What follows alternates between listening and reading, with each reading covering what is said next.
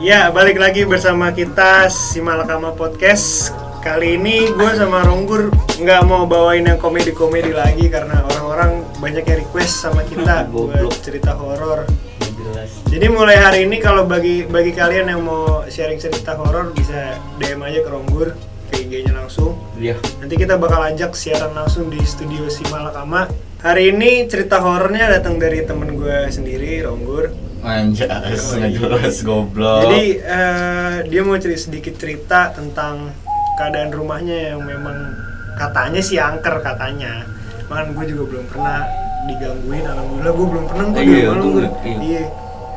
Gimana tuh Gur? Bisa diceritain gak gua- Gur? ya buat gambaran aja sih untuk teman-teman podcast ya kan lu juga udah pernah ke rumah gue ya Iya, iya. rumah gue tuh em, Rumah tua itu kode itu ya?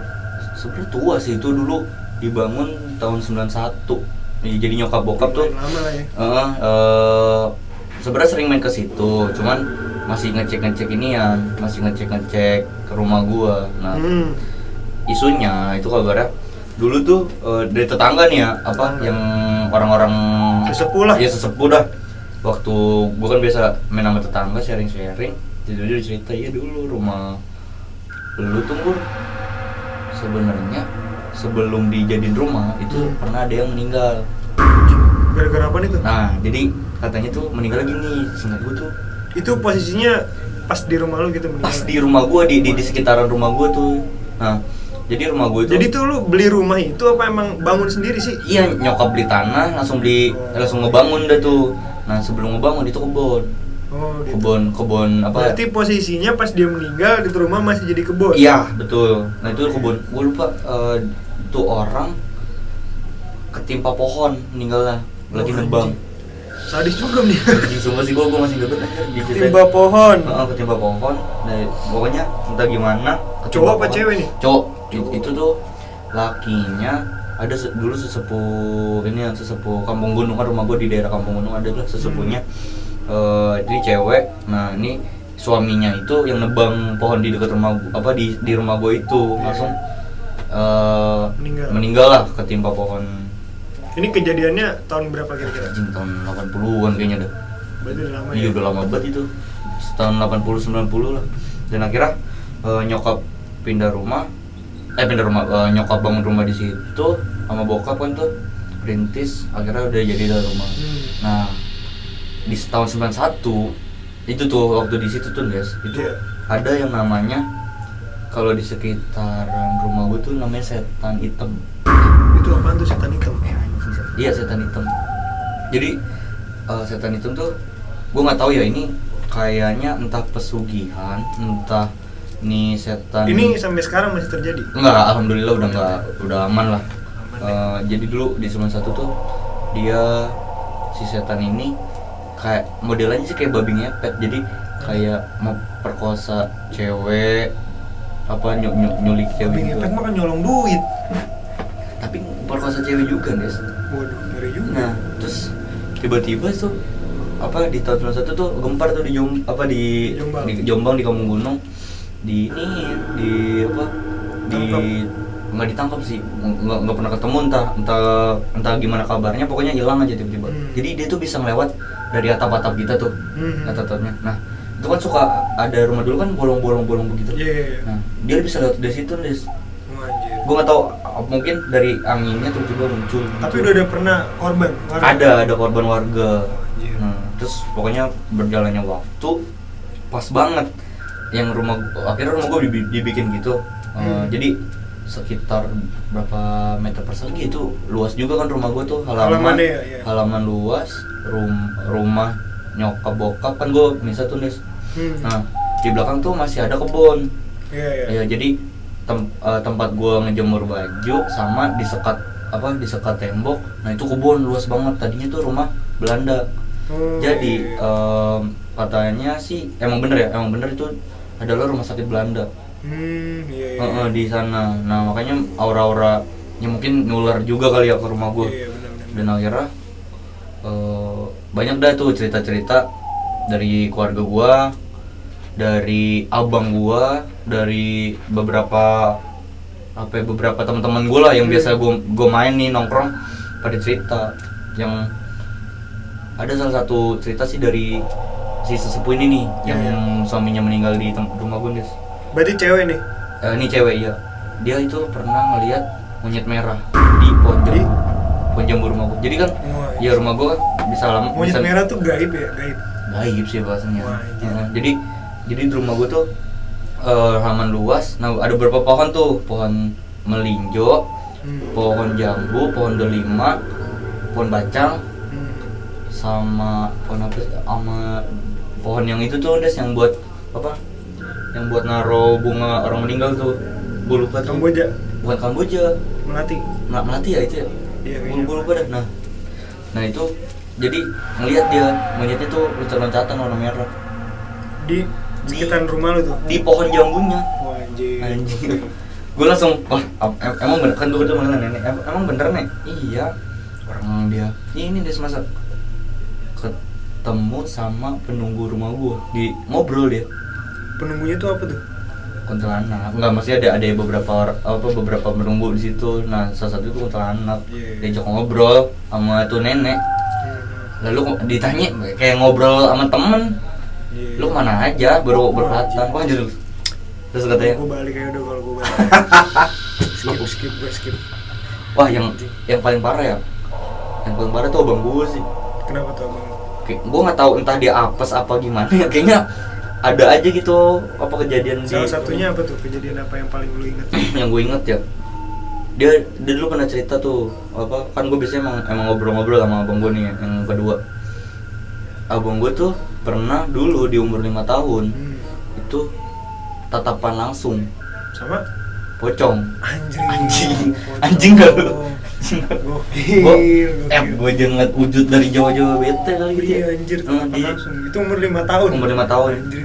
Jadi gini jadi eh untuk gambaran dalam rumah gue ya dalam rumah gue tuh ada beberapa kamar ada empat satu dua tiga empat ada empat kamar ada ruang tengah ada ruang tamu lalu dapur sama ruang makan nah jadi eh, ruang tamu gue tuh lebar Nah, terus ruang tamu kedua gue ada dua ruang tamu yang lebih intim maksudnya lebih dekat Hmm. itu eh, tadinya kamar. Nah dulu itu adalah eh, rawan des. Waktu abang gue umur lima tahun tuh itu masih rawa tuh. Nah jadi dia tuh waktu lima tahun tuh masih apa ya bukan masih sih maksudnya emang kayak job desk dia iseng-iseng aja tuh nutup nutupin hordeng kalau udah maghrib ya kan apa namanya bocah kan seneng aja gitu ya kalau kayak gitu ya. Main-mainin hordeng terus nutup hordeng kamar bu kamar dia nutup hordeng kamar abang gua dah kalau nggak- eh apa kamar dia apa kamar si nyokap gua. Terus tiba-tiba inian apa eh, pas lagi itu dia dia ngeliat kayak ha- apa bayang-bayang kayak kok kok ada orang di luar ya? Terus terus.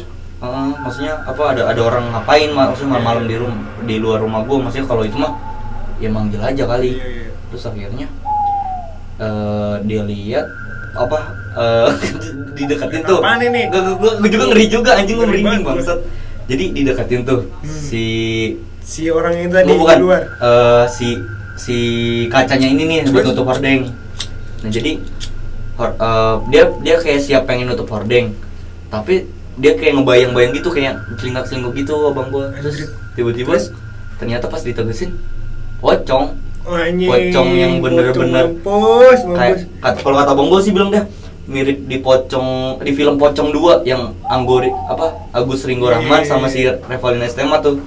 Ya, jadi jadi eh, dia melihat ya bener muka hancur muka koreng Hmm. apa tuh eh, kain kafan masih bersih tapi ada tanah-tanahnya. Iya, bener. ya terus dia, dia kira kayak kayak langsung diem gitu kayak kayak beku langsung deng Bingung freeze ya nge-freeze langsung lari dia ke bokap gua. Jadi jadi bokap gua tuh dulu apa sering nonton TV kan dulu TVRI itu Iya, iya. berit apa sih dulu acaranya ya?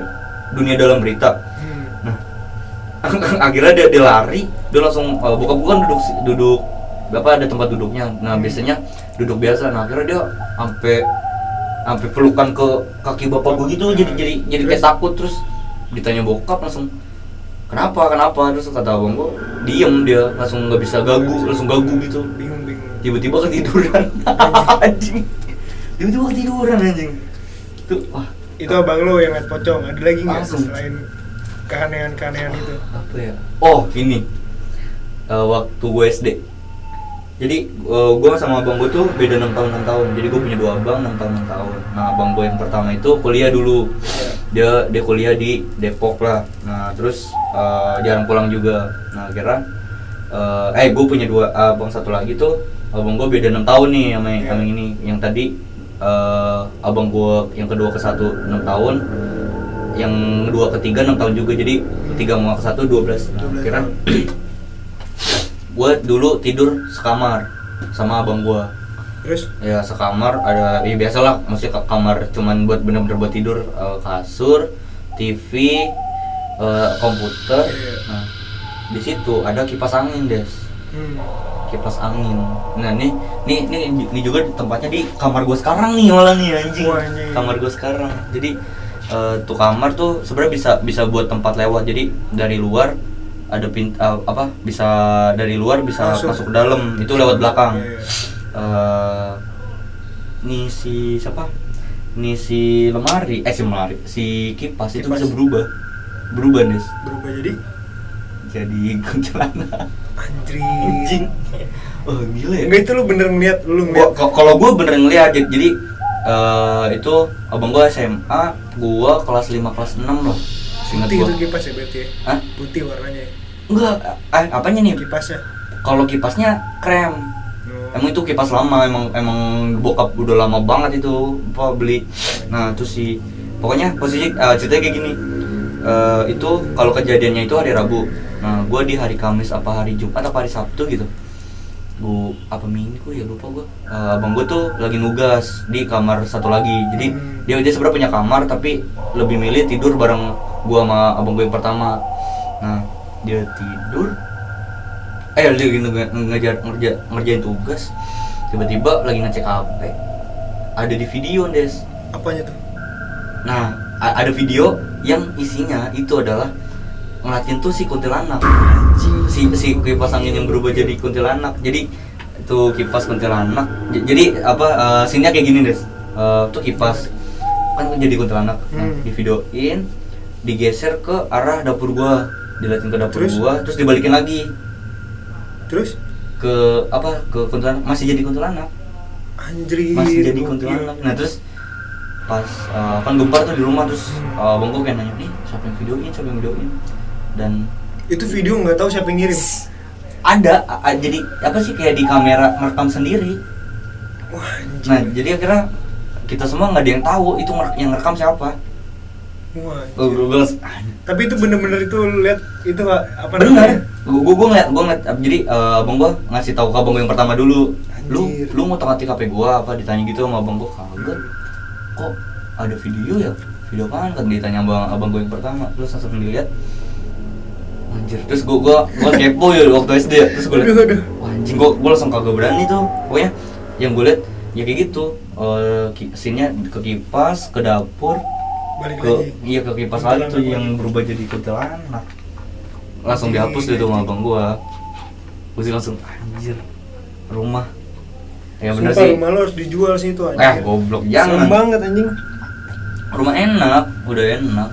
Tapi, emang kelihatannya kayak bangunan tua gitu gue deh iya sih emang iya kayak perubahan zaman dulu banget sih emang. Dari interiornya juga Nes Hmm. walaupun ada tapi lo udah pernah ini belum kayak datang orang pinter gitu? Oh. Kagak sih alhamdulillah tapi kadang ada yang ada ada aja sih yang suka ngingetin Terus? apa eh, jaga sholat eh, rumah ada yang ngisengin gitu gitu doang paling kalau misalnya bokap gue juga apa gue sih sebenarnya penasaran gue kayak Hmm? ini di next episode nih kali aja kalau misalnya ada teman-teman Iya. teman-teman si Malakama yang punya apa ya apa sih namanya gue yang bisa ngeliat setan itu gue Eh, apa indigo kali ya iya anak Mungkin. indigo Ah. gitu dateng gur ke rumah lu gur wah jangan ah jadi biar cerita dari angle dia gitu. Sama lu aja tapi wah gak berani gue biar Gua lu aja berdua ntar gua ceritain mau ikut gua. gua kagak mau ikut anjing. Eh Iya. eh, ini dari sekian banyak cerita ya? Jadi ada tiga cerita yang berbekas tuh. Dari yang pertama tuh yang siapa? Yang kakek kakek meninggal. Hmm, yang kedua yang cerita bang gue tuh yang pocong sama si kuntilanak iya. Eh ada sih beberapa sih kayak uh, war tetangga apa tetangga gue kan rumahnya kecil-kecil gitu nes. Hmm. Dia eh, bisa ngeliat ke rumah gue nah kadang ada yang lagi berdiri ada yang lagi nyapu tapi bukan nyokap gitu doang. Nah yang terakhir nih cerita yang terakhir nih ya. Nih waktu gue kecil waktu TK waktu TK SD lah. Hmm. jadi TK SD tuh dulu tuh eh, rumah gue tuh masih kayak banyak kebunnya tuh di sekitar. Karena emang belum inilah ya belum transmigrasi juga kan warga-warga dari kampung. Iya, iya. nah kira gua nggak gua nggak ngerti tuh secara konsep ya nyokap gua ngizin gua gua nggak tahu antara ngizinin apa emang itu punya nyokap gua jadi nyokap itu di rumah naro keranda sama tempat pemandian mayat Anjir. Gue sumpah merinding nih bangsat. nggak sumpah itu maksudnya bener-bener ditaruh bener-bener ditaruh di halaman Ka- kayak lu parkir motor di halaman Iya, iya. ini naruhnya bener-bener di halaman jadi jadi di pohon bacang gua itu nes tuh yang Hmm. di halaman Iya. eh, itu sebenarnya bersebelahan sama pohon mangga Ah, nah ah. si pohon mangga ini itu ditaruhin kurung batang berdiri jadi kurung batangnya berdiri tuh gitu tuh Terus terus terus. nah agak nyerong jadi senderan ke po Iya, iya. apa ke pohon nah untuk si siapa si tempat pemandian mayat itu ditaruh di eh, tembok jadi eh, apa ini kan pohon bacang eh pohon mangga tempat taruh taruh si keranda nah seberangnya itu tuh apa yang tembok yang Hmm, iya, apa iya. yang yang bisa masuk dari depan des itu Hmm. dijadiin tempat naruh tempat pemandian mayat Nah, dulu gue punya pembantu, namanya tuh eh, Mbak Mbak Ita. Nah, gue biasanya manggilnya apa Mbak Ita. Nah, si Mbak Ita ini biasa ngegosok di depan. Ya, jadi kamar nyokap gue dulu tuh sebenernya kan gede gede banget tuh. Nah, dulu tuh sebenernya kayak musola buat warga-warga sekitar. Musola-musola biasa. Jadi kadang jadi musola, kadang jadi pendopo buat nongkrong bapak bapak-bapak ah, apalagi main marawis Yang ada Al-Quran gede banget ya? Iya. Iya. Nah, ya, itu, itu kan punya nyokap tuh. Nah, eh, si Mbak Ita ini bisa gosok tuh siang jam satuan. Nah, Hmm. kadang suka gerak-gerak tuh Apanya? Si siapa si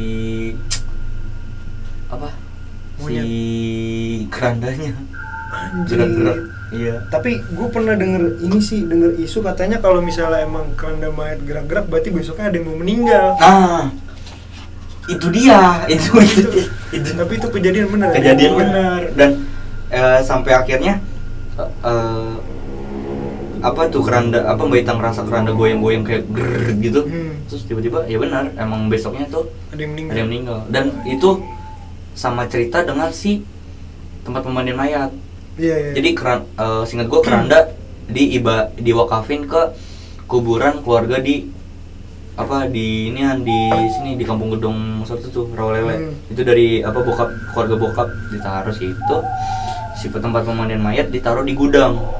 Gudangnya ini posisinya ada di seberang rumah gua Hmm. ya, jadi kontrakan ada kontrakan gudang terus ru- rumah tetangga gua nih nah Iya. di gudangnya ini des yang sebelah sebelahan nih kayak Hmm. yang sampingnya tuh sebelahan banget sama kontrakan sama si rumah tetangga gue ini itu biasa ngedenger suara dari gudang kayak kayak goyang-goyang eh bukan goyang kayak ada yang berisik di gudang dan kena tembok. Anjir. jadi kayak tuk tuk tuk tuk tuk tuk gitu. Kayak ada tuk tuk tuk. Itu di di setiap malam atau di se, eh, pokoknya setiap malam sih sebelum ada orang meninggal. Dan dan akhirnya ya si itu namanya Om Edi sama Mama Bom Bom sih gue bisa manggilnya. Jadi Mama Bom Bom tuh tetangga gue yang kontrakan tuh si eh, Om Edi. Om Edi ini Iya. ngontrak di kontrakan nyokap. Nah dia bilang ya emang kalau sebelum ada yang meninggal kayak kemarin-kemarin pasti ini ya berisik banget Iya. nih di gudang berarti oh dia meninggal gitu anjir gue langsung eh, gila sih kenapa. Nanti maksudnya kenapa di rumah gua gitu Iya.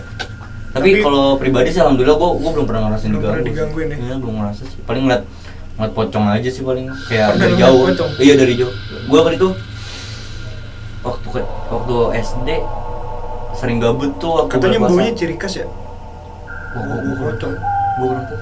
Katanya bau amis gitu nggak? Bau kain kafan anjing. Emang? Iya, gue juga makanya gue belum pernah sih jangan iya, jangan sampai anjir. juga sih, jangan juga. sampai karena kan kita juga nggak ngeganggu mereka kan. Iya, dunianya beda lah ibaratnya. Kalau gua dulu waktu bulan puasa tuh sering gabut nah nyari nyari ember tuh waktu kecil Terus ngapain nyari ember buat bangunin sahur oh. nah, nah, ember besi ember biasa ember kal- ember cat cat gede gitu gitu doang Oh, iya, terus gua ke Villa Jombang Baru tuh di dekat rumah ada komplek gua abis main bola malam-malam tuh jam 2 Ini Eh, jam main bola malam-malam Enggak emang emang emang biasanya kayak gitu. Oh, anjing, main. Templenya begitu Oh, tuh iya. gua. Eh salat apa? Salat taraweh, Mhm. em, apa sih namanya? Baca Quran, terus em, apa ke rumah dulu izin. Hmm. jam 12 tuh main main bola. Di Iya. jal- di komplek itu. Tapi di jalanannya. Nah terus udah capek istirahat. Gue masuk lagi nih ke komplek mau nyari kaleng. kaleng kaleng itu terus ya berdiri dia Nes, di si pocong itu? Iya berdiri di ini. Jeng. Di apa tuh? Di pohon eh di pohon di tiang listrik. Gede gak tuh gede? Kecil sih masih bocah kali ya? Kagak kagak maksudnya se, bapak-bapak gitu maksudnya seorang dewasa lah. Gue langsung lari sih sadadanya sama temen iyalah anjing ketemu pocong gila. Tapi lu pernah? Kalau gitu ngalamin Nggak pernah gua. hal horor? Nggak pernah gue Ngeri. gue ngeri ngeri. Nggak pernah gue takut gue gue pribadi bener-bener takut gue sama hal yang kayak gitu. Hmm. Nggak sih, tapi kalau kalau gue sih dari cerita yang gue alamin dari tetangga-tetangga gue bilang kalau rumah gue angker ya gue sih pribadi ya gue percaya emang Hmm. ya mesti kan itu eh, memang ada mereka tapi kan selagi kita nggak musik selagi kita nggak nge- ngeganggu ya nggak masalah iya benar benar Hmm. closing statement closing statement nih gur dari lu gur Hmm. buat hal-hal mistis yang apa ya ya yang menurut lo percaya apa enggak sih gitu. Dinding gue anjing iya bangsa makanya gue juga udah kelamaan merinding juga. Dinding gue. ya untuk yang apa? Yang nggak percaya? Iya. Ya itu sih urusan pribadi ya untuk kalian yang nggak percaya atau ya belum pernah ngerasain. Tapi Iya, eh, untuk ke- untuk keberadaannya sih Lu ya percaya ada gitu? percaya ada. Ya pokoknya ya selagi nggak ngeganggu udah nggak masalah nggak ya, masalah. Oh, ya tetap ini aja kalian tetap tetap percaya sama iman Tuhan. Tuhan juga. Berdoa lah ya. Ber- iya kalau udah ketemu itu kan ya bisa berdoa bisa bacain ayat kursi. Apa kalau dia apa mereka mengganggu ya kan. Tapi untuk yang orang-orang percaya eh yang nggak percaya ya tetap jaga aja dah nggak kepercayaan kalian itu. Mungkin saat suatu saat bakal ketemu langsung jadi usah, percaya usah. gitu tuh. Nggak usah, nggak usah. Oke, kali ini sekian episode horor si Malakama. Ini mungkin jadi episode kedua karena sebelumnya kita juga udah pernah rilis episode horor. Hmm. Buat kalian yang mau cerita-cerita tentang kejadian horornya bisa langsung DM aja ke Instagram Ronggur atau gue. Yaps. Sekian dari kita, sampai jumpa di episode selanjutnya. Dah.